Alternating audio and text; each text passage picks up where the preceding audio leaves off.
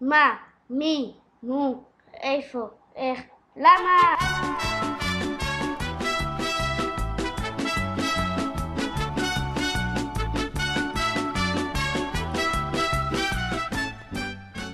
בשבוע שעבר הושבעה ממשלת האחדות של נתניהו וגנץ, סוף סוף. ואנחנו נאחל להם בהצלחה אחרי 500 ימים ושלוש מערכות בחירות הגענו לרגע ויש לנו ממשלה במדינת ישראל.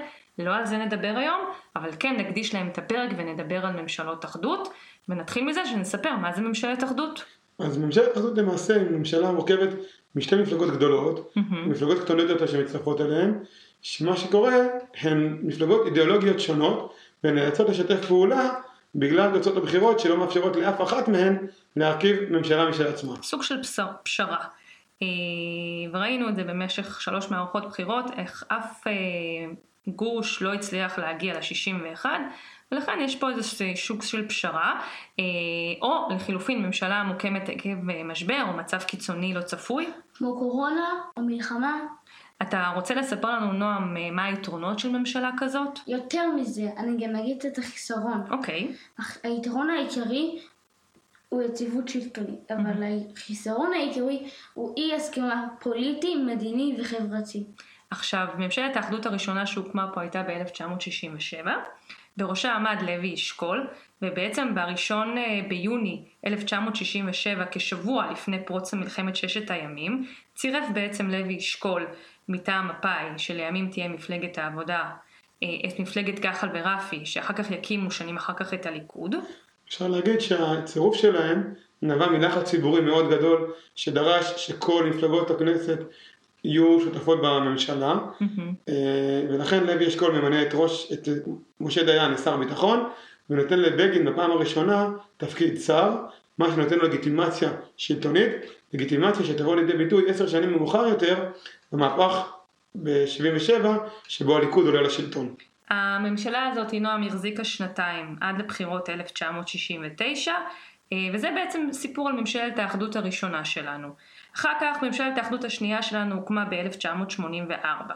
באותה שנה התקיימו הבחירות לכנסת האחת עשרה, והסקרים ניבאו ניצחון מרשים לגוש השמאל בראשות שמעון פרס, אה, עקב המשבר הביטחוני בלבנון והמצב הכלכלי החמור ששרר אז במדינה. אה, אולם סקרים לחוד ותוצאות בחירות לחוד אה, ויצרו איזושהי סוג של הפתעה אה, ומצב של כמו שאתה רוצה- תיקו תיקו. אה, שמעון פרס אמנם מקבל את המנדט אבל כמו שאומרים בימינו אנו לא עולה בידיו להקים את הממשלה. נשיא המדינה, אז היה חיים הרצוג, נוחת על שתי המפלגות הגדולות, הליכוד בראשות יצחק שמיר והעבודה בראשות שמעון פרס, להקים ממשלת אחדות. ולאחר משא ומתן קואליציוני ארוך מאוד, הצדדים מגיעים להסכמה על קווי מדיניות והסכם האחדות נחתם.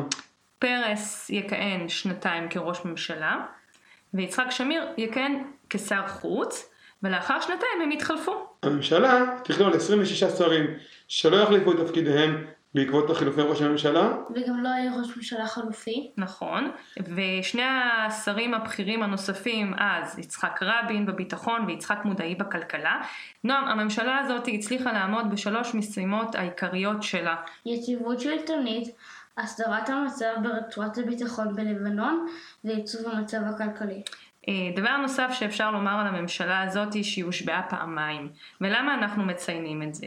בעצם פעם ראשונה היא הושבעה בעת הקמתה, אחר כך אה, כדי להחליף ראש ממשלה, ראש ממשלה אחד מתפטר, וכשראש ממשלה מתפטר זה אומר שכל הממשלה מתפטרת איתו.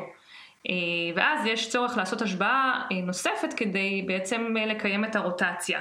מה שאפשר לראות פה, שלמרות האיבה הפוליטית נקרא לזה, שרר אמון מוחלט בין המפלגות והמנהיגים לגבי קיום התהליך. מה שאין לנו היום, ונאלצו ללכת ולשנות אה, חוקי יסוד ולהשביע כבר עכשיו, וראש ממשלה חלופי וראש ממשלה בפועל, אה, ובעצם ביצרו את עצמם בהסכמי, בחוקי יסוד חדשים כדי אה, להבטיח מכל כיוון ש, שזה יקרה. פה היה פשוט אמון. הממשלה הזאת בסופו של דבר נחשבה לאחת המוצלחות בהיסטוריה של המדינה, אני חושבת שבבחירות לכנסת הבאה שהם נערכו ב-1988, גם שם התוצאות היו צמודות והייתה ציפייה ציבורית להמשך אה, כינונה של ממשלת אחדות. ממניעים פוליטיים הדבר לא צלח, אני לא אכנס לזה עכשיו, אוקיי. למניעים האלה, ואני אומר את זה בשתי מילים.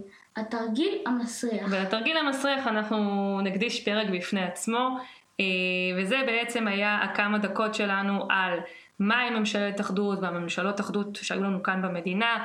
אה, אנחנו מודים לכם שהצטרפתם אלינו לעוד פרק בפודקאסט המשפחתי שלנו. אנחנו מודים למעוז פלד על עריכת סאונד. אנחנו ניפגש בפרק הבא, ואם עוד לא עשיתם follow ו subscribe באתרי הפודקאסט השונים, זה הזמן. לא לשכוח לייק. וכמובן, יש לנו עמוד פייסבוק חדש, אנחנו נצרף את הקישור, ועד הפעם הבאה אנחנו כולנו נאחל לכם ביי ביי. להתראות. להתראות. ביי.